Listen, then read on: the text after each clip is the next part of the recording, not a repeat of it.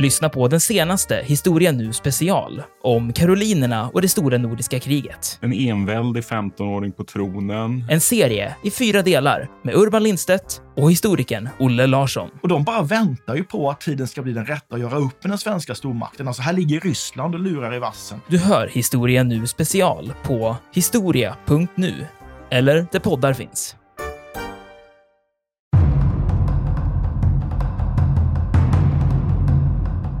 Ett av de här skeppen, Nevada, skulle ju, är ju ett sånt här tankfartyg också som skulle understödja och som är fullsmockat med flygbränsle. Och den här befälhavaren på Nevada inser ju snart, han är en av de första att agera, han inser att han måste ta sig härifrån så snabbt som möjligt. För ifall Nevada smäller, då kommer i princip hela hamnen smälla upp bara i ett enda stort eh, eldmoln. Eh, men han lyckas faktiskt ta sig ut och det här skeppet kör de sen på grund. Det blir så pass illa tilltygat att de får köra det på grund för, eh, utanför Pearl Harbor. Och lyckas de eh, bärga senare.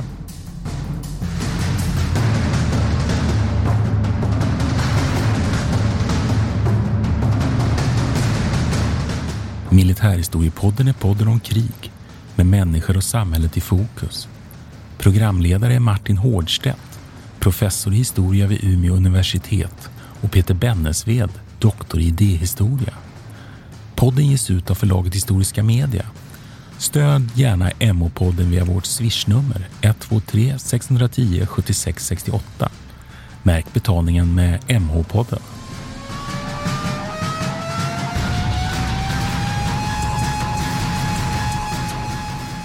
Det här är Militärhistoriepodden och mitt namn är Peter Bennesved. Och jag heter Martin Hårdstedt. Alltså en av de eh, liksom första här, akademiska böckerna som jag läste fick jag av min eh, svärsyster en gång. Den heter, heter eh, Groupthink, skriven av en person som heter Irving Janis. Han är egentligen socialpsykolog eller sociolog. Och jag vet inte riktigt varför jag fick den här, men den, den är en klassiker, socialpsykologisk klassiker. Jag var väl lite intresserad av sociologi på den tiden och skulle plugga det sen. Skitsamma, men ett av avsnitten där eh, handlar om Pearl Harbor. Och det som är Irving Gannis tes då, eh, och som han driver fram, bland annat, han har en massa andra exempel, bland annat den här eh, eh Bay of Pigs, som också var kul att snacka om någon gång i militärhistoriepodden. Men, ja, och grisbukterna. Ja, men det han driver fram då är att, att man hade liksom en stämning på Pearl Harbor bland officerarna ett slags önsketänkande eh, med den här Husband E. Kimmel som, som befälhavare i centrum. Och att han då hade en väldigt speciell eh, liksom, miljö där då, där han fick folk att eh, och de tillsammans så gav varandra understöd för vissa teoretiska resonemang som då skulle leda till att man helt enkelt inte gjorde sig förberedd för en attack mot Pearl Harbor. Att man liksom, ett slags önsketänkande som drevs fram av den här gruppen och boken då heter Groupthink liksom för att, ja, för att eh, trycka den här poängen. Så jag tyckte det var, det var en av mina första liksom så här, möten med den akademiska sfären. Jag kommer att det var väldigt, eh, ja, det var väldigt kul läsning. Jag fick, fick eh, orsak att återkomma till den boken inför det här avsnittet då, som, som ni förstår kommer att handla om Pearl Harbor och vad det var som egentligen hände där. Ja, och det är ju Japans anfall, plötsliga överraskningsanfall i december 1941 mot den amerikanska Stilla havsflottans bas. Och direkt tänker jag ju haka på och säga så här att det ligger ju någonting i den där socialpsykologin, där, eller grupppsykologin var du inne på. Därför ja. man hade ju en idé om att, att det skulle vara väldigt svårt för den japanska flottan att faktiskt slå mot Hawaii, där ju flottbasen låg.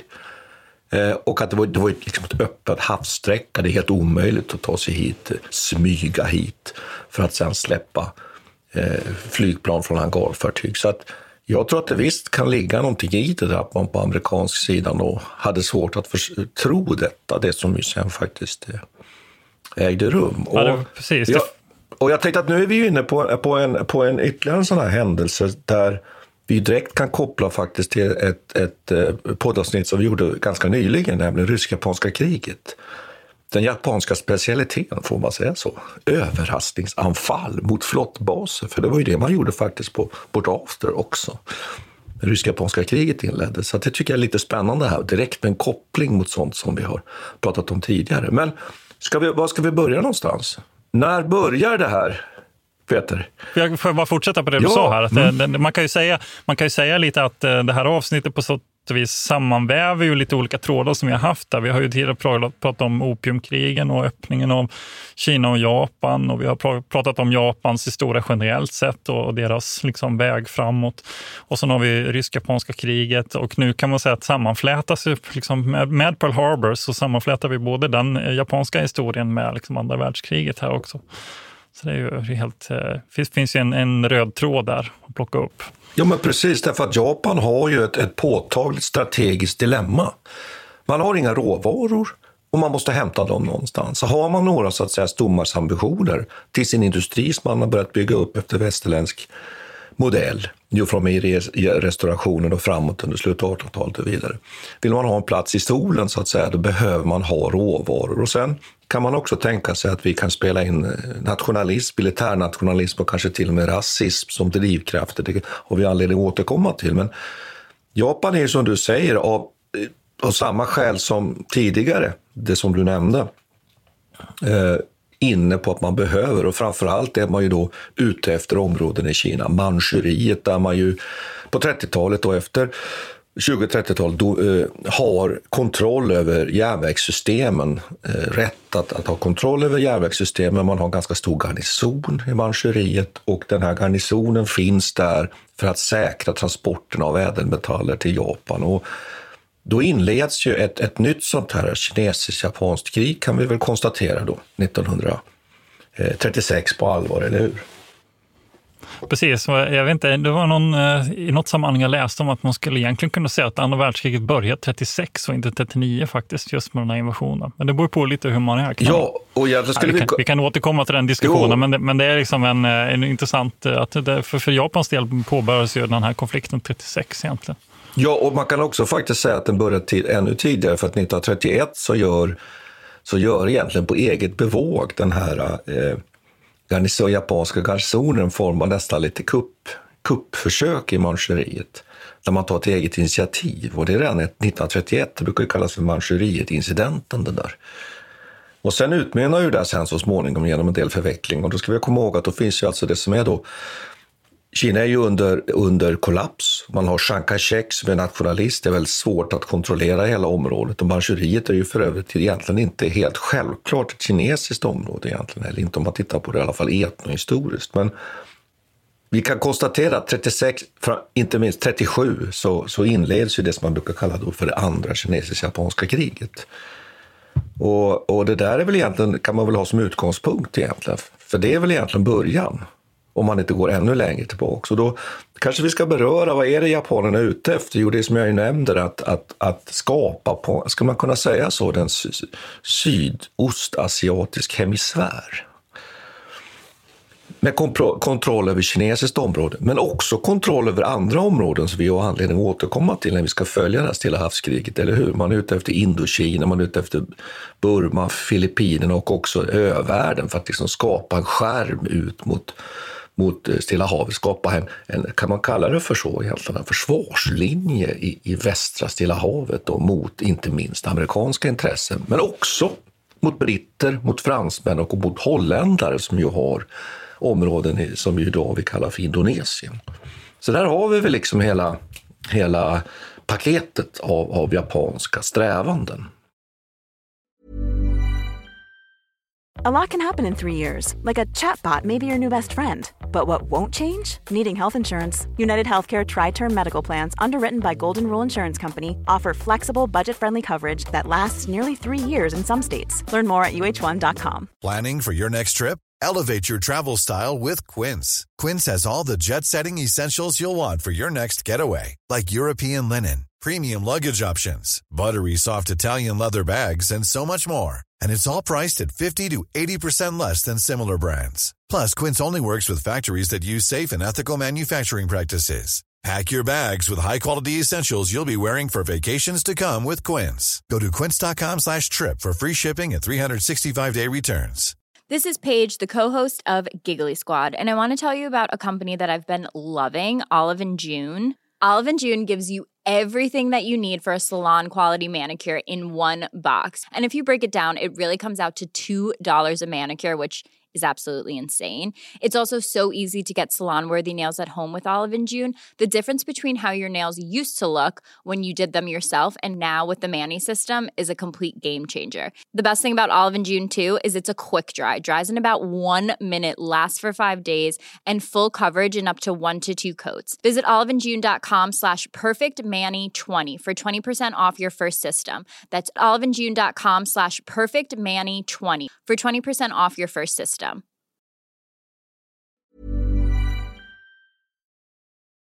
Sen så hände någonting 1940 och bland annat att Frankrike faller och Vichy-regimen eh, sätts, eh, sätts i, i kraft. Så att säga.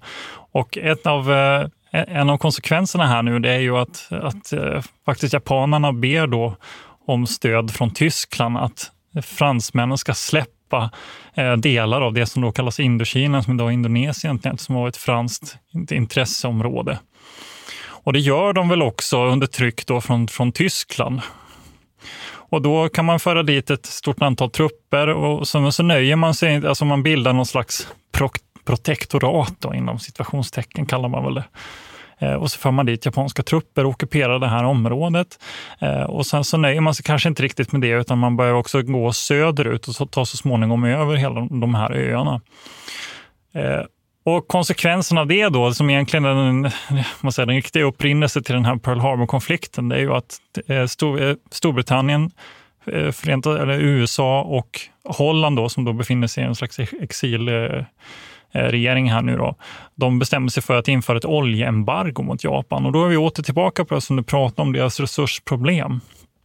Om det är någonting som japanerna inte har så är det olja. Och detta har de importerat eh, i stor utsträckning för att stödja sin, eller för att ja, för hela sin ekonomi såklart, men framförallt då i detta fallet när det handlar om deras eh, flotta, deras Stillahavsflotta och alla flygplan och allting som kräver den här oljan. Så nu försvinner det här deras eh, kanske viktigaste resurs och de har bara ett lager som klarar, de har några månader framför sig. Men då finns ju den här i, i holländska Ostindien finns ju oljefält eh, som man skulle kunna ta över. Och då är ju frågan, hur ska man lösa detta då? Att de Förenta Nationerna eller USA sätter ju egentligen Japan i en sits här nu då, som, som mer eller mindre tvingar dem till till en konflikt, för de vägrar att hantera detta. Men man ska också säga att i bakgrunden finns också en idé från västmakternas sida här om att Japan inte har mer resurser egentligen, att de är liksom uttömda i Manchuriet, att de har svårt, för, delvis för att de kanske hade lite svårare än vad de tänkte sig att avsluta det där kriget. Eh, men att också man har lite eh, skiftande idéer om hur stor den japanska krigsmakten är. Så då tänker man sig då att man har möjligheten här nu att sätta ner foten. Att inte göra det här appeasement-misstaget som, som man har gjort i, som Storbritannien gjorde i Europa, att man släpper liksom de här markerna eller släpper taget om eh, japanska kraven, utan man sätter ner foten och säger så här, inte en chans, ni får inte en droppe olja. Och egentligen så havererar då alla diplomatiska relationer mellan Japan och Förenta Nationerna här nu. Eller USA. Jag vet inte, det står hela tiden i mina källor står Förenta Nationerna, men i, nu för tiden säger man ju USA jämt. Alltså. Ja, och du har läst lite ja, äldre böcker, ja, Peter. Ja, det blir, man tar till sig det där. Liksom. Ja, precis. Jag lät lite... För, men, man, men du får jag lägga till, får jag lägga till en sak? Att det är ju den Ja, här Hall, alltså utrikesministern Hall, amerikanska utrikesministern, som liksom blir språkrör för den amerikanska inställningen. Och det, det är ju som du säger, att han han pushar ju väldigt hårt det här med att japanerna bland annat ska lämna, så småningom driver man ju det kravet faktiskt, de ska lämna Kina. Och där ska jag lägga till en, en sak i det här sammanhanget, att från japansk sida så upplever man ju att amerikanerna precis som i den där freden efter det rysk-japanska kriget, inte riktigt behandlar dem som jämlikar. Och det tycker jag är intressant, att det finns en sån där liten, liten eh, psykologisk twist där, just det där att, att att den där ra- rasfrågan kanske ändå liksom spelar viss Ett roll. litet Napoleonkomplex. Ja, på något sätt. Och det är precis som du säger, att de här resurserna är väldigt viktiga just i, i också i föreställningarna om Japan, Jap- japanernas möjlighet att bedriva det här kriget framgent här. Och att, att just som du säger, att, att, och då skulle jag vilja också lägga till en sak, att man har ju kopplat upp sig också mot Tysklands öden. Det tycker jag vi måste ha med här också, att vi, man är ju med i antikominternpakten sedan 1936 då med Tyskland mot Sovjet. man är med i trepaktsalliansen med, med Italien till och med och man har liksom sådana här försäkringar om att man ska hjälpa varandra om man blir attackerad av Sovjet. Nu kommer det ju där aldrig att lösa ut, för Japan blir ju aldrig anfallet av Sovjet. Men man har också neutralitetsavtal med Sovjet och det kan man väl bara säga här direkt att Japan går ju inte in i kriget mot, mot Sovjet. Man lider ju dessutom nederlag i gränsen mot Manchuriet 1939. Man har dåliga erfarenheter, så där håller man sig faktiskt ifrån. Så att Tyskland får ju inte hjälp av Japan som man hade tänkt sig, utan det här blir ju, för jag tycker det kan vara viktigt att markera, det här blir ju som, som du är inne på nu här, det blir en konfrontation med västmakterna, med USA, med Holland, med Storbritannien, men framförallt med britterna och amerikanarna. Det är ju det det handlar om här. Tyskland är inte egentligen på det sättet en part och inte Sovjet heller. De kom in i slutet av kriget, men det kan vara viktigt att komma ihåg här. Så nu är då frågan då, vad ska Japan göra? Som befinner sig i den här ja. sitsen. Ja, det enda är ju, alltså det finns ju, de försöker ju, de, de jobbar ju egentligen på två fronter. De försöker få till en någon slags fredlig mm. diplomatisk De kör ju det spåret hela tiden, som jag uppfattat i efterhand nästan som ja. en, som en cover-up-operation. Och den här stackars diplomaten, den hedervärda japanska ambassadören som, som, som sitter ja. i, i Washington, han har ångest hela tiden för han är ju med då. Uh, eh, Nomura i, i, Washington, han är med och lurar egentligen amerikanerna. Han fortsätter med dem medan man har fattat beslut om kriget i, i den japanska krigsledningen tidigare. Så det är ju väldigt intressant det där. Jag vet inte riktigt, jag tycker det är också lite oklart här. Alltså, de här böckerna jag har läst har varit eh, tryckt på lite att, att Hirohito, ja. kejsaren, eh, att han e-, egentligen inte var för en en, en krigslösning här, utan han vill egentligen lösa det här på diplomatisk väg. Man kan väl komma ihåg också att egentligen alla är ju rätt överens om att Japan inte kommer klara av den, den amerikanska krigsmakten på lång sikt, utan det finns ju en ganska eh, utspridd, liksom, accepterad hållning här om att det här, går, det här kommer inte gå på, på flera års sikt, utan det här kriget måste föras och avslutas snabbt om det ska bli av överhuvudtaget. Så det finns ju mycket risker här, men jag, jag får intrycket av Hirohito, trots att man gärna pratar om den här krigiska, nationalistiska och, och, och eh, kejsarideologin som finns, verkar han inte vara så intresserad av att föra det här kriget, utan de är mest intresserade av som vi har pratat om, konsolidera sin makt i Sydostasien. Och ja, han försöker ju flera gånger att liksom påminna sina ministrar om att de här besluten ni fattar nu, de kan bli ödesdigra. Och, och så läser han ju också någon sån här lama fredsdikter som hans far. Ja. Så det framstår ju lite som sådär. Men jag håller ju med om att, att, att läser man litteratur och det forskarna säger att Hirohito är inte självklart med på, på kriget, men naturligtvis lånar sig ju egentligen sen får man ju säga som galjonsfigur till det här. Men jag tycker att man kan väl lite borra i hur det ser ut. Alltså att vi har ju en armé som ju har, vars största projekt är ju ockupationen av Manchuriet. Och där har vi framförallt de armégeneralerna är ju nationalister, militärnationalister och leds ju av Tojo som ju är krigsminister, sen så småningom blir premiärminister 1941, i oktober 1941. Och det är väl kanske ödesdigert ur japansk synvinkel, för han, han kommer ju sen faktiskt att avrättas för, för krigsförbrytelser. Men han är, inte, han är inte rasist och han är inte fascist men förefaller vara brinnande, glödande anti-amerikan. Och som du säger, trots att han ju sannolikt förstår att det här kommer inte att hålla i längden, så ska han ändå pusha kriget. Och det kan man fråga sig varför då han gör det. Är det för att ändå trycka till den där amerikanske storebrodern på något sätt? Men han, Tojo, är ju en av de ja, här men det är väl det, men det, är väl det där. Ja. huvudfigurerna här. Ja. Ja, men det är väl deras enda chans. Va? Liksom, vad, ska de annars, vad ska de annars göra? De är ju liksom inge, i en återvändsgränd egentligen. Om de accepterar de här, de här amerikanska förslagen då, att de måste egentligen evakuera hela Manchuriet och de måste även e-, evakuera Sydostasien och allting och egentligen återgå till någon slags, ja, sitt, sitt vanliga öliv. Så att säga. Alltså det är ju en oerhörd prestigeförlust. Jag fattar inte riktigt hur man tänker sig att man skulle kunna acceptera det på japansk sida ändå.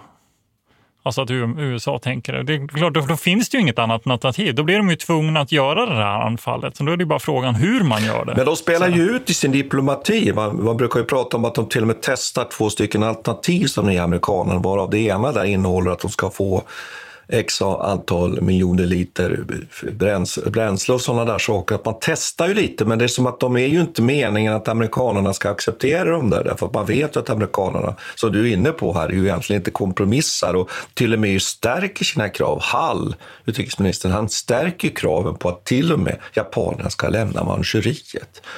Och det är naturligtvis en omöjlighet som du säger. Och till slut så uppfattar väl japanerna, och till och med de som kanske inte för kriget, men ändå som att, som du säger, vi ställer mot väggen. Det är liksom slåss eller dö. Och jag skulle bara vilja referera då här att det är armégeneralerna, men flottan är inte nödvändigtvis för kriget. Yamamoto som ju är den som så småningom ju leder det här anfallet mot inte på plats operativt, men han är ju chef för den här kombinerade stora eh, japanska flottan. Han säger ju att jag kommer ju, jag kommer ju att leva amok nu under ett år och vinna stora segrar. Men sen kommer det vara över. Han säger. Han säger så. Ja, ja precis. Nej, men det är helt klart, helt klart från ja. hans sida också att det här är ett krig som kan bara föras nu på en gång och det måste gå snabbt. Ja. Sen är det färdigt. Liksom. Sen har vi, ja. sen har vi uttömt våra resurser. Man måste komma ihåg det att det är, alltså, och det är det här som man ofta pratar om under andra världskriget och vad, vad, alltså att det är ett slags produktionskrig. Alltså, Japan vet ju att de inte kan ersätta de förluster som de får på samma sätt som USA kan göra. Så då finns ju, det finns två punkter egentligen som de skulle kunna slå mot. Och det ena är ju Pearl Harbor och det andra är Panamakanalen faktiskt. För man vet ju också att man har möjligheten att att eh, den amerikanska flottan är ju splittrad på två oceaner egentligen. De måste å ena sidan stödja det här konvoj, eh, alltså ländlisavtalet avtalet och alla de, allt material som förs över till Europa måste de hela tiden stödja och skydda. Och sen har de nu ytterligare en konfliktzon i Stilla havet, så man tänker sig att det är en möjlighet. Kan man låsa Panamakanalen eller slå ut flottan i Pearl Harbor? Då har man liksom en, kan man freda sig. Åtminstone en kort period. Det är det som är, får man komma ihåg. Det, att målet är ju då inte att slutligen för all framtid slå ut eh, den amerikanska Stilla havsflottan, utan det här handlar om en slags fördröjningsoperation också. Man tänker sig att om man kan slå till här så kan man fördröja dem i sex månader eller mer. Och det är det man då behöver för att på något vis konsolidera sin, sin makt i Sydostasien för att sen då kanske förhoppningsvis sluta något slags positivt eller fördelaktigt eh, fredsfördrag med, med, med USA. Om man, eh, återigen så ställer man ju sig jäkligt frågande här. Om man tänker sig att man gör ett överraskningsanfall som hela tiden var på tal, då, att man skulle göra det. Om man gör ett överraskningsanfall, tänker man sig då att rent så här, militärpsykologiskt att amerikanerna skulle acceptera det och krypa till förhandlingsbordet liksom, efter sex månader? Jag har så svårt att fatta det. Liksom. Det där är, finns ju en stor brist i den japanska mm. mentaliteten i det här läget. Jo, jag håller med dem. Eller håller du inte med? Är det inte liksom, är det oerhört eh, naivt? Liksom? Ja, och att man skulle acceptera att, att, att västmakterna, tänker jag också, skulle acceptera det här Ja, exakt. Ja, men det är det jag menar. Alltså att, jag antar att det, det, kanske är deras egna historia som också formar de här lite nu. Att de själva har varit tvungna att acceptera den här typen av fredsfördrag som de kanske inte riktigt var överens med. Om de på något vis tänker sig att vi kan göra något liknande. Eller något. Jag vet inte. Alltså just, för just den där biten är ju obegriplig. Alltså, om man genomför ett, ett, eh, den här typen av, av överraskningsanfall så, så får man ju naturligtvis hela det är ju en hel världsdel som liksom förenar sig för USAs sak. Why don't more infant formula companies use organic, grass-fed whole milk instead of skim? Why don't more infant formula companies use the latest breast milk science? Why don't more infant formula companies run their own clinical trials? Why don't more infant formula companies use more of the proteins found in breast milk? Why don't more infant formula companies have their own factories instead of outsourcing their manufacturing? We wondered the same thing. So we made ByHeart, a better formula for formula. Learn more at byheart.com. Even on a budget, quality is non negotiable. That's why Quince is the place to score high end essentials at 50 to 80% less than similar brands. Get your hands on buttery soft cashmere sweaters from just 60 bucks, Italian leather jackets, and so much more. And the best part about Quince, they exclusively partner with factories committed to safe, ethical and responsible manufacturing. Elevate your style without the elevated price tag with Quince. Go to quince.com/upgrade for free shipping and 365-day returns. Hiring for your small business? If you're not looking for professionals on LinkedIn, you're looking in the wrong place. That's like looking for your car keys in a fish tank. LinkedIn helps you hire professionals you can't find anywhere else, even those who aren't actively searching for a new job but might be open to the perfect role. In a given month, over 70% of LinkedIn users don't even visit other leading job sites. So start looking in the right place. With LinkedIn, you can hire professionals like a professional. Post your free job on linkedin.com slash people today. Jag tänkte lite matematik här också skulle Ja. vi kunna ägna oss åt. Och det är att vid den här tidpunkten så kan man räkna med att amerikanerna egentligen bara har tre operativa hangarfartyg, egentligen bara två. Just det. En, ett på lagning. Och det där är ju intressant som du säger där, medan då japanerna har ju eh, sex i alla fall som de kan sätta in i den här attacken här då. Fyra större och två, två mindre. Och eh, det där vet vi ju sen att när amerikanerna så att säga, trycker på knappen med sin produktion, då spottar de ju ut hangarfartyg och, och eh, över eh, ytvattenfartyg. Och det man då är ute efter här, det är ju att slå ut väldigt konkret nu då. Hangarfartygen som ligger på Pearl men också Stilla havsflottans slagskepp. För att då vinna, som du säger, en, en sån lång, få en så långt andrum för att sen kunna utöka då och ta bland annat Filippinerna, men också ner, ner mot Borneo och ner mot, mot eh, till och med snudda vid Australien så att säga. Eh, ner i Sydostasien och ta Indokina och så vidare. Så att det är ju det man är ute efter här. Och, men det är ju inte helt enkelt heller, för hur smyger man sig på en sån här bas? Jag menar, det finns ju radarteknik, det finns flygspaning och dessutom också, vilket vi ju tycker vi ska diskutera som är jättespännande, så har ju amerikanerna lyckats, till stor del i alla fall, det är väl det vi kan diskutera lite, det finns lite olika åsikter ju bland forskarna, har man ju en, en, en, en, en sån där deficheringsavdelning, Magic, som ju har knäckt de japanska koderna. Alltså man läser i klartext i stor utsträckning, alltså den interna hemliga korrespondensen mellan inte nödvändigtvis bara mellan militära förband inom japanska krigspakten utan alltså också till diplomaterna bland annat som sitter i Washington och så vidare. Och det gör ju att man menar sig ha fått en, en förvarning. Det här spelar ju en ganska stor roll i, sen i diskussionerna kring vad amerikanerna visste. Mm. Ja, men det är olika. Men, ja. amerikansk- ja. Det är olika-. Jag ska bara säga att på amerikansk sida, där uppfattar man då via de här, hur, hur man nu tolkar det där, eh, att man på något sätt har en deadline den 25 november. Att där på något sätt, för hela tiden vet man ju att japanerna förbereder sig för krig samtidigt som förhandlar. Men man vet ju inte riktigt om det bara är för att säkra upp från japansk sida eller är det så att japanerna leker bara med oss nu här. Men då får man klart för sig att 25 november förefaller vara en deadline på något sätt. Det vill säga att efter den 25 har man inte fått en förhandlingslösning från japansk sida, som man ju inte vill ha. Det var vi ju inne på. Man ska, man ska retirera från Indokina om man får miljon, en miljon liter bränsle eller vad det var. Det är ju inte amerikanerna kommer inte vara nöjda med sådana såna överenskommelser och så vidare. Det förstår man. Då, då inser man att sen är det krig som gäller. Men ändå då, trots det där, så gör man inte basen på Pearl Harbor tillräckligt färdig, klar att ta emot ett anfall. Det där tycker jag vi kan diskutera lite. Vad är det som händer där på amerikansk sida? Ja, det finns ju många olika saker. Då. Dels så har man ju pratat om för det första så är man ju inte faktiskt på det, på det klara med om det verkligen var så att amerikanerna kunde läsa alla de här. Nej. Eh, eh, alltså det där har ju under senare, man ska säga att det här, den här Pearl Harbor är ju en, en, eh, en händelse som har utretts i in absurdum. Nio olika kommissioner har liksom satt, satt händerna i det här materialet som är enormt eh, och försökt reda ut vems fel det var. Kanske var kort sammanfattat. Vems fel var det?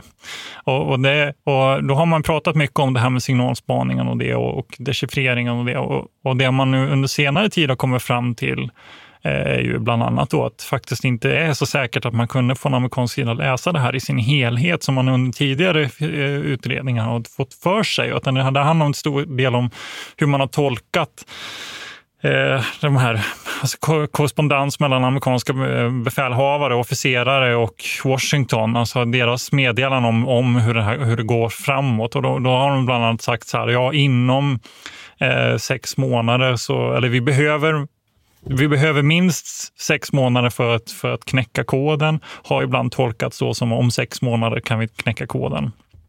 Men det är ju inte liksom samma sak. Alltså mycket sådana där saker, formuleringar som har, som har kommit upp till dagar och som, som ifrågasätter det här. Och, och sen är det ju en annan sak också att bara bara för att du har informationen eh, eller att du kan dechiffrera någonting betyder inte att du gör en korrekt bedömning av vad det faktiskt innehåller. Alltså det är ju en sak att ha liksom intelligence, men att ha finished intelligence är någonting annat. Man har en slags tolkning av materialet också. Och det där, och det där är ju en, annan, eh, en helt annan sak. Va? Så att, och, det, och det leder oss in på det andra problemet att man har ett slags informationsöverflöd nästan. Och från, från han Kimmels sida, eh, som är då befälhavare på Pearl Harbor, så, så kan kan man nästan eh, beskriva det som ett slags ropa varg-problem som de har. Att man är medveten om hela tiden att japanerna är ju intresserade av ett överraskningsanfall från och med, jag tror den 24 eller 25 som du sa, 25 november eh, och att de närmsta dagarna ska ske någonting. Men man vet inte var och man får den här typen av varningar hela tiden. Eh, så, att, så är det mycket sådana där problem som man försöker hantera. Då. Så här, är det mer eh, rimligt att de anfaller mot Midway eller Filippinerna? Eller vad, vad är det någonstans de ska... Man tänker sig då, väldigt svårt att tänka sig att de ska gå just på Pearl Harbor. Kan man ta lite geografi här? Att Pearl Harbor ja. ligger liksom mitt i Stilla havet. Sen det är Midway som du nämnde, det är ju en ytterst liten atoll så att säga ytterligare liksom halvvägs och sen kommer så att säga de här mera pärlbandet av öar med japanska öarna. Så att, och Midway kommer vi anledning att återkomma till för det kommer att bli en viktig vändpunkt i kriget mm. i Stilla havet. Men, men vi kan väl tillföra några ytterligare saker. Jag menar, man har radar, radar kapacitet på Hawaii naturligtvis. Eh, man har luftvärn. Det är väl utbyggt. Man har ju också luftvärnet på alla stridsfartyg som finns i hamnen på alla det antal eh, slagskepp som ligger där. Boforskanoner för övrigt.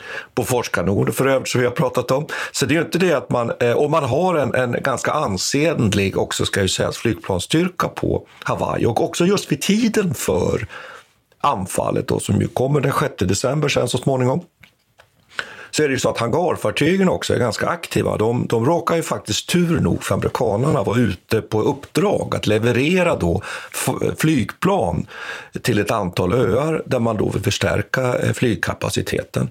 Och det är också så att till Hawaii till basen på Hawaii så är det på väg då ett antal B-17-plan precis vid den här tiden. Och där har man ju otur också från amerikansk sida därför att när man på, på radarskärmarna, visserligen ganska sent, men ser faktiskt de japanska planen så tolkar man ju det då genom olika förvecklingar. Från radiooperatör till officer, tjänstgörande officer till, till ansvariga i, i ledningen som att nej, men det, det här är bara våra egna flygplan som kommer för att helt enkelt landa. Så att det finns sådana här tillfälligheter i den här historien som är väldigt, väldigt spännande. Och sen tycker jag att vi också ska tillägga det att japanerna är ju oerhört skickliga när de smyger sig på Pearl Harbor. Jag tycker det är väldigt dramatiskt. Man skickar till och med ut lastfartyg för att ta den här, vad ska man säga, nordliga rutten.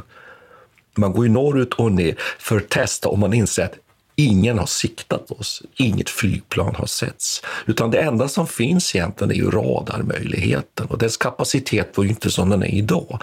Utan hela denna enorma flotta får man ju faktiskt säga så vi består alltså av sex stycken hangarfartyg, fyra större, plus ett antal kryssare och jagare. Och sen finns det också en säkerhetsstyrka med ett antal slagskepp eh, som backar upp den här styrkan, smyger sig ju helt enkelt på Pearl Harbor. Där kan vi då resonera kring huruvida amerikanerna hade kunnat upptäcka detta. Och man har ju radiotystnad, det vill säga man pratar inte i radion överhuvudtaget. Alla meddelanden går med kurirer. Jag tycker det är jättespännande. Visst, och här slår ju den här konspirationsteoretiska ådran till också. Någonting som man har ju resonerat om, eller har skrivits väldigt mycket om i USA, det är ju att Theodore Roosevelt skulle ha eh, att han skulle ha... Eh, den här teorin eh, utgår då från att, att Theodore Roosevelt skulle ha önskat sig ett krig med Japan, men att han inte själv ville anfalla. Och det här kallas för den här backdoor to war-teorin. Och bland annat finns det någonting som, som, eh, för att understödja den här teorin så har man kallat det här eh, en order som kallas för vacant sea order. Och då ska då handelsskepp, amerikanska handelsskepp fått ordern att de ska ta en annan rutt än den nordliga rutten mellan Hawaii och Japan, eller eh, Asien egentligen. Och då har man, eh, sägs det då att eh, ett, eh, Roosevelt då lämnade den här liksom sjödelen, den norra passagen, fri från amerikanska skepp och egentligen hjälpte då den eh, japanska flottan att ta den här vägen. Att det finns lite sådana såna teorier. Ja, det är, och de har väl hela tiden eh, eh motbevisats på olika sätt. Men det säger något. Det som man, vi kan ju försöka beskriva det här då, att syftet här från japanernas sida det är ju att ta, alltså, eh, ta Pearl Harbor. Och Pearl Harbor ligger längst bak i ett egentligen pärlband av hawaiianska öar. Och det man vill göra det är då att man går den norra passagen runt, så man kommer egentligen nordöst eh, ifrån mot Pearl Harbor.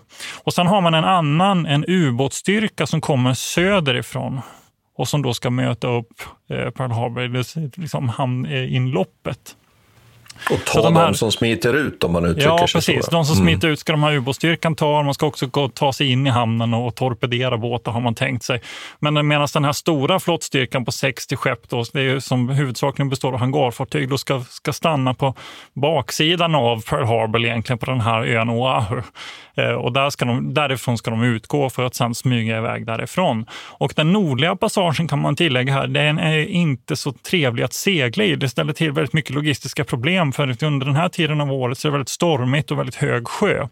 Och det är svårt att tanka fartyg under den här. Man måste ha med sig fartyg med råolja egentligen för att kunna driva de här skeppen hela vägen över. Speciellt de små skeppen som behöver tanka vid flera tillfällen. Så det är en ganska osannolik väg att ta. Den södra passagen som ubåtarna far, den är betydligt mer eh, rimligare väder. Och där säger Yamamoto faktiskt under en övning så här, så, så säger han att, eh, som han har i september, att ja, vilken väg skulle ni ha? Så frågar han sina officerare, vilken väg skulle ni ha tagit? Så säger de, ja, den södra såklart, för att den nordliga är för, för osäker. Så säger Yamamoto, ja, det är ju precis så amerikanerna också resonerar, så därför tar vi den norra. Så att han har liksom en sån för att understryka det här, eh, det här liksom överraskningsmomentet, hur viktigt det var att man måste göra på det viset. Men då skulle jag vilja lite eh, eh, tillägga det, att just det här med den här tankningen också, logistiken kring det, att man tankar ju den här flottan ute på hav med fartyg som du säger. Det är också en sak som, som japanerna är väldigt duktiga på att göra Eh, svartmålning, höll jag på att säga. Nej, men att man alltså tystar ner hela den här och lyckas faktiskt väldigt väl med det, hela operationen. Det tycker jag är fint. Det finns flera sådana här härliga eller intressanta detaljer tycker jag i det här som, är, som ju går vägen. Och sen när man då väl ska ta Pearl så är man ju ute efter de här garfartygen. Men precis som vi har sagt så är det ju så att de är inte på plats. Och det är väl egentligen det stora bakslaget för japanerna. Men vi kan väl säga någonting om själva attacken, ska vi inte göra det? Ja, jo, det måste vi göra. Den är, alltså, trots, trots den här långa uppladdningen så kanske jag frustrerar ja. en del lyssnare så får man säga att själva attacken går ju ganska snabbt och inte ja. så mycket att prata om faktiskt. Alltså själva, det pågår bara under en, en timme eh, eller två ungefär och, sen, eh, och den första räden är ju bara, det handlar om några minuter. Ja. Det, det går ju väldigt snabbt. Nej, men det man gör är att man släpper ju första vågen av, av flygplan och man har ju med sig då som består ungefär av 100, 180 plan i den första attackvågen. Och det är framför allt då torped och bombare. Sen har man också en, en, en sköld av jaktplan, alltså Zeroplan.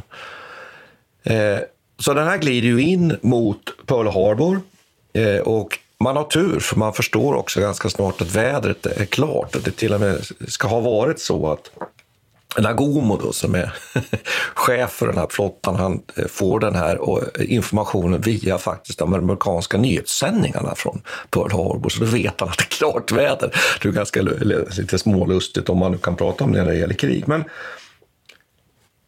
sen attackerar man och eh, det är ju klart att det är ju sitting duck. Man säger att det är ju väldigt få egentligen av tre fjärdedelar av alla, alla luftvärnskanoner är inte ens bemannade på flottan. Det är få batteri, luftvärnsbatterierna. Så det är klart att vid inflygning här eh, mot eh, eh, målen i hamnen så, så möter man ju ytterst litet motstånd. En av de första som ska ha öppnat eld faktiskt var en, en pastor. Det är ju söndag det här nämligen och då vet man ju också det att eh, officerarna sover i land och att folk också är allmänt så att säga, avslappnade. En av de första som sätter sig till motvärn är faktiskt en pastor som rycker upp en kulspruta och lägger den mot altaret och öppnar eld mot de inflygande japanska flygplanen i en sån här berättelse. Så berättelse. Ja, men det vi kan konstatera här är ju att den första vågen bombar, släpper torpeder och sen kommer en andra våg eh, av ungefär 170 eh, flygplan. Och sen så flyger man tillbaks till hangarfartygen och när de här eh, vågorna har landat så konstaterar man att vi hittar inga hangarfartyg och en del av eh, piloterna vill tillbaks. Men där stoppas de då av den japanske befälhavaren som ändå konstaterar att, det här, att man har lyckats över all förväntan. Och vad blir resultatet då? Vad blir resultatet? Ja, det blir, du har ju varit inne på att det här inte blir så fruktansvärt för amerikanerna som man skulle kunna tro. Då. Men det är ju så att fyra slagskepp sänks ju faktiskt. Av vilka två faktiskt plockas upp Ja, det är, ett, det är några som sett, åtminstone ett sätts ju på grund av sina egna... Be, be, be, men man kan ju fråga sig här också, hur många är det som, som egentligen slås ut? Men man kan ju säga att fyra sänks, men två bärgas och tas i bruk. Så, och, och alla de, de, fyra andra närvarande slagskeppen, de skadas ju. Va? Så det är klart att, men de återkommer ju i tjänst de här sen så småningom. Men de är ju utslagna ja, temporärt, det kan ju vara eniga om. Och sen är det ett stort antal övriga fartyg som ju faktiskt också förstörs. 190 amerikanska flygplan på marken som är uppställda i fina rader dessutom därför man är rädda för sabotage. Och det kanske mest förfärliga är att 2400 människor dör. Väldigt många dör ju i de här äh, slagskeppen som kantrar väldigt snabbt. Då vill jag ge en bild här för, för lyssnarna hur det här går till. Alltså för en väldigt stor andel av de här 2000 eh, äh, sjömännen, eh, jag ska säga ungefär hälften dör på det här skeppet Arizona. Som är kanske den mest, mest dramatiska eh, eh, sänkningen egentligen av de här. Och det, det som man då, om man får liksom en bild över, över hur Pearl Harbor ser ut här nu då, så är det alltså de här åtta stora slagskeppen Eh, de ligger i princip efter varandra och sex av dem ligger i slags parformation. De ligger liksom jämte varandra i par så här med bara några meter emellan. Så det är verkligen sitting duck. Det är ett väldigt tydliga, enkla mål som man, man kan slå till mot. Och det sjunde skeppet, Nevada, ligger eh, ensamt eh, längst bak och California och Neosho ligger, Maryland, ligger, förlåt, Maryland ligger lite längre fram. Så att alla, skepp, alla åtta slagskeppen ligger egentligen på linje och sex av dem då ligger i par. Och när de kommer ner med de här bombplanen, störtbombar är det som kommer i första vågen, eh, så har de ju i princip, det är bara fritt fram och bomba. Och just i den första vågen faktiskt så lyckas man då släppa en bomb rakt ner i skorstenen på Arizona. Och den faller rakt ner i maskinrummet och exploderar där. Oerhört dramatiskt. Hela skeppet bara ja, exploderar i princip. Och väldigt, alltså ungefär 1100 personer dör här och det sänks liksom omedelbart. Och det här sker ju precis i början och sen när de andra skeppen eh, skadas ju och torpederas i andra vågor, man kommer alltså med den torpedflygplan sen eh, vid sidan och man släpper deras speciella typ 91, eh, jag vet inte vad den, ja, vad den kallas mer, men en typ 91-torped i alla fall som man har experimenterat med, med någon slags eh, löstagbar eh, träkon som ska klara fallet här. Men de har testat det här och väldigt inspirerad av britternas eh, slag mot Taranto också. I, mm. ja, och, de, och då lyckades de då sänka, jag tror två av de här andra. Men, men sen är det, jag har läst att tre egentligen försvinner ur, ur spelet. Tre av de här slagskeppen, medan de andra egentligen kan repareras.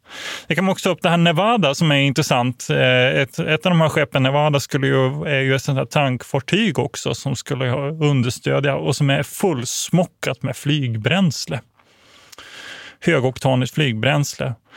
Och den här befälhavaren på Nevada inser ju snart, han är en av de första att agera, han inser att han måste ta sig härifrån så snabbt som möjligt. För ifall Nevada smäller, då kommer i princip hela hamnen smälla upp bara i ett enda stort eh, eldmoln.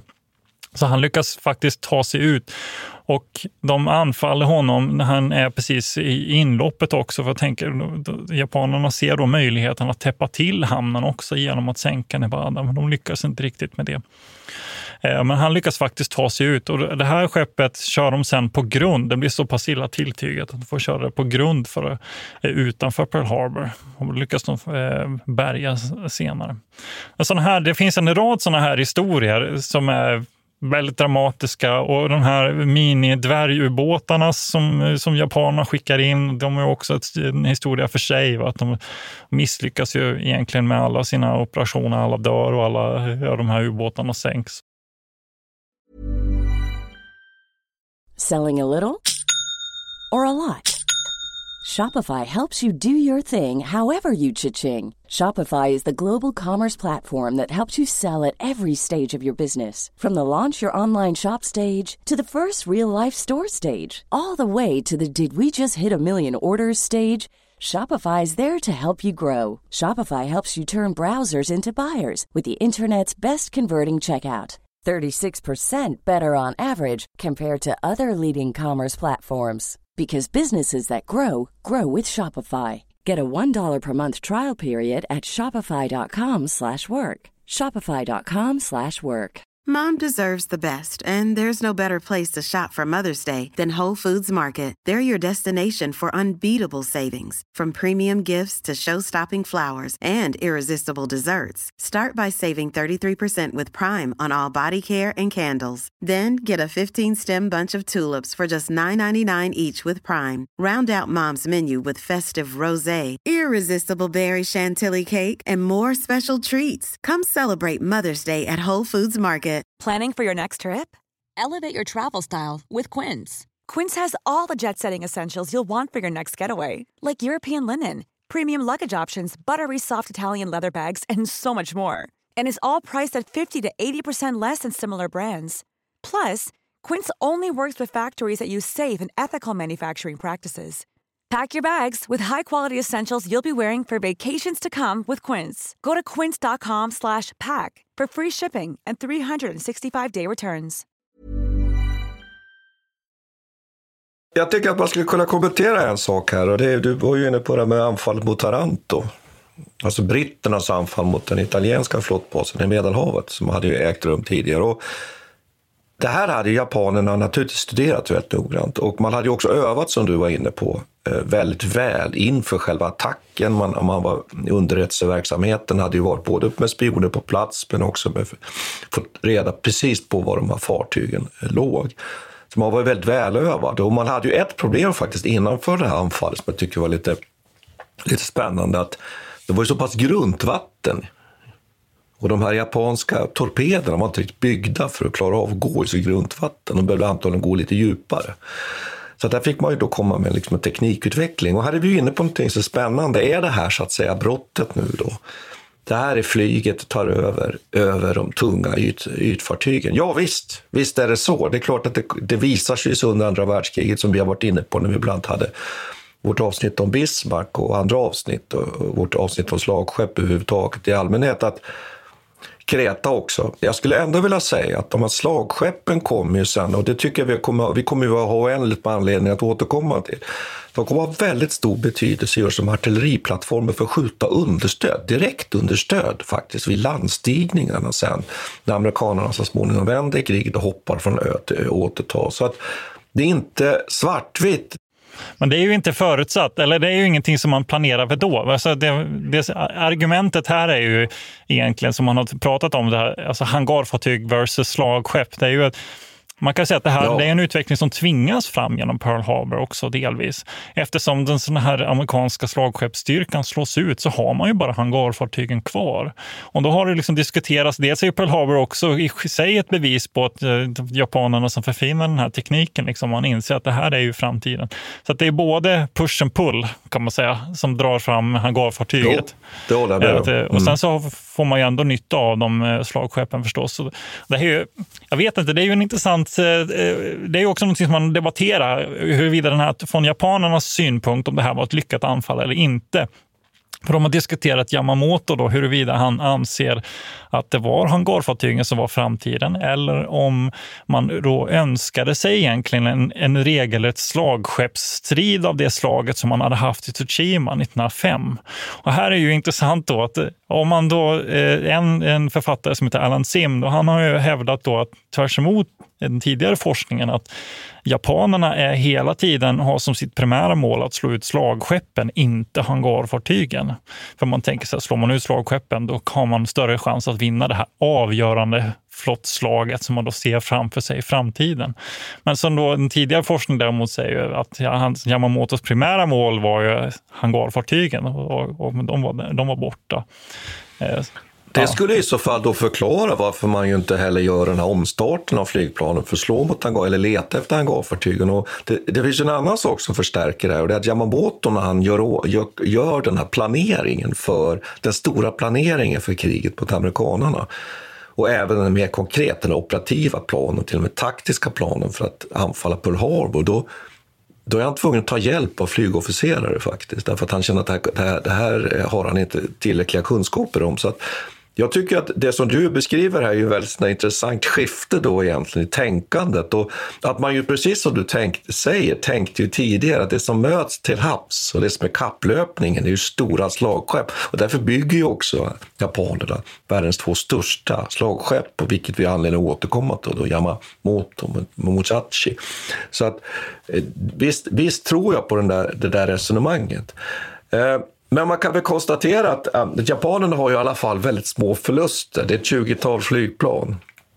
Väldigt få som dör. Och man får väl ändå säga att det framstår som en väldigt chockartat lyckad ändå anfall ur många aspekter, även om ju vi nu liksom har lite satt eh, frågetecken för det. Då. Men en sak som jag tycker vi kan ta upp definitivt, det är ju att det här ju är ett avgörande momentum i andra världskriget. Det vänder ju över en natt, ärligt talat, eh, den amerikanska opinionen. Från att man inte vill gå med i kriget fullständigt, att USA ska vara isolationistiskt, så går man ju med i kriget. Och ofta har man ju, eh, när vi eh, pratar om, om 11 september, alltså terrorattackerna på, på, på New York, så brukar man prata om att det var ett Pearl Harbor och det skulle jag ju vilja starkt ifrågasätta. Jag minns att det var satt experter i tv-sofforna då och sa just det att Nej, men det, här, det här är ett nytt Pearl Harbor. Men det var det ju inte, därför att där handlar det mer om att den attacken den, den förstärkte ju en tendens i den amerikanska utrikespolitiken. Medan här, här har vi ju det är som att vända på handen, det är som dag och natt, en helt ny värld dagen efter. Och det tycker jag är viktigt och att Churchill ju utropar, vi har vunnit kriget. Ja, just det, för han inser, han inser att nu har han eh, USA på sin sida för all evighet. Ja. ja. Och vad Hitler, vad ropar han då? Vi har vunnit kriget. För han tror ju också att Japan ska gå in och sen slåss mot Sovjetunionen. Och han säger, hur ska, hur ska en sån här stat som Japan, som aldrig blivit ockuperat, kunna förlora, säger han. Och därför kommer ju, vilket, vilket ju är en av de här irrationella händelserna, mest irrationella händelserna och märkliga händelserna under andra världskriget, det är ju att Tyskland förklarar USA krig den 11 december. Och det är ju egentligen vet vi nu i efterhand eftersom vi har facit. Det är ju kanske något av spiken i kistan. Och sen ytterligare en sak som jag vill lägga till. Den är att precis de här dagarna, 6 december, 5-6 december, så inleder ju Röda armén sin motoffensiv utanför Moskva. Och det gör ju att då egentligen precis samtidigt som vi ju i efterhand vet att den tyska krigföringen, anfallet på Sovjet, kör fast, så startar Japan krig med USA. Vilken oerhört dramatisk vecka. Alltså man får komma ihåg också att eh, ja. japanerna anfaller ju också samtidigt egentligen hela Sydostasien. Alltså de, de, eh, så de, det är inte bara Pearl Harbor, utan de gör ju anfall mot Filippinerna, mot eh, det som idag är Indonesien och, och, och, det är ju en, en, enorm operation också. Och det har vi ju anledning nu att följa ett antal avsnitt det här kriget. Hur dels Japan ju har stora framgångar och skapar ju faktiskt den här skydds, eh, vad ska vi kalla det, görden för sitt imperium kan man ju säga. Och sen då hur amerikanerna så småningom viss mån får man väl ändå säga, stödda av britterna, men ganska lite, så småningom kommer ju att övermanna och, och besegra Japan. Får, får jag bara avsluta med den här krigsförklaringen? Där? Jag tycker det är så, sånt snöpligt och lite gulligt slut på Ja. sätt och vis på en ganska bisarr epok, eller bisarr händelse. Det är ju den här diplomaten i Washington. Vad var det han kallade han? Na- Nagamo? Va? Nomura, Nomura. Han har ju fått uppdraget att den 7 december eh, klockan 13 överlämna en 14 punkter till, eh, Eh, till USA med, med de japanska kraven. Om inte de uppfylls så, att säga, så, så kommer det komma en krigsförklaring. Det är ingen officiell krigsförklaring, men det är mer eller mindre en, liksom, om de inte uppfyller några av de här kraven och inte ändrar sig så kommer det bli krig. Eh, den här, han ska lämna över den här klockan 13. Men det tar ganska lång tid, ska man också komma ihåg i bakgrunden. Att det tar ganska lång tid innan, innan Hull, då, den här utrikesministern och eh, det FDR eh, eh, Roosevelt får reda på att den här attacken har skett, även om den, kommunikationen sker ganska snabbt. Va? Men eh, tanken var ju att det här, de här 14 punkterna skulle ha kommit egentligen innan attacken, men det vet inte eh, den här japanska diplomaten. Så han sitter där i väntrummet där mellan 13 och 14 och medan Hall då har, får, får all information om Pearl Harbor så kommer han in så här med den här 14-punktslistan och blir mer eller mindre bara utskälld av, av Hall. Vilket är rätt begripligt. Men han, han är verkligen ett offer för omständigheterna. Så man har egentligen ingenting... eh, Alltså, att det fördröjdes lite hade också att göra med den här dechiffreringen. Och det. Och Hall visste också innehållet i den här listan innan det ens kom in på hans bord. Så han var tvungen att spela lite förvånad. Men, men skällde, eh, skällde sen ut den här japanska diplomaten efter noter som fick gå där lite trumpen därifrån. Liksom. Ja, det är en eh, bisarrt slut på den där episoden. Ja, jag tänkte jag bara skulle kunna kanske ändå avsluta faktiskt med Roosevelts eh, uttalande om den 7 december. Nämligen att det är en dag som alltid kommer att leva i vanära. Just det. Och då anspelar han ju på detta med överraskningsanfallet. Men jag tycker att det här blir en fin slut. Jag tycker vi stannar där också. På det här avsnittet. Och jag tycker vi stannar där. Och eh, jag vill tacka dig Peter. Ja. Faktiskt tack, idag. Ja, tack du också. Det brukar jag inte göra. Nej. Utan, och på återhörande till alla lyssnare. Hej på er. Tack ska du ha. Vi tackar Peter Bennesved och Martin Hårdstedt. Kontakta gärna Militärhistoriepodden via mejl på militarhistoriepodden historia.nu. Peter och Martin vill gärna få in synpunkter och förslag till programidéer.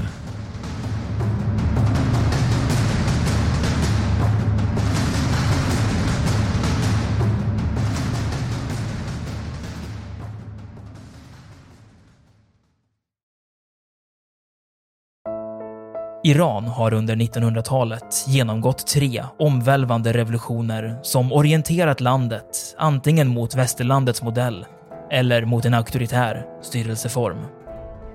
Idag pågår en social revolution i landet som vänder sig mot det islamistiska styret och vars anhängare har Europa och väst som förebilder. I en viktig bok ger idéhistorikern Mohammad Faslashemi en djupare förståelse för dagens dramatiska händelseutveckling.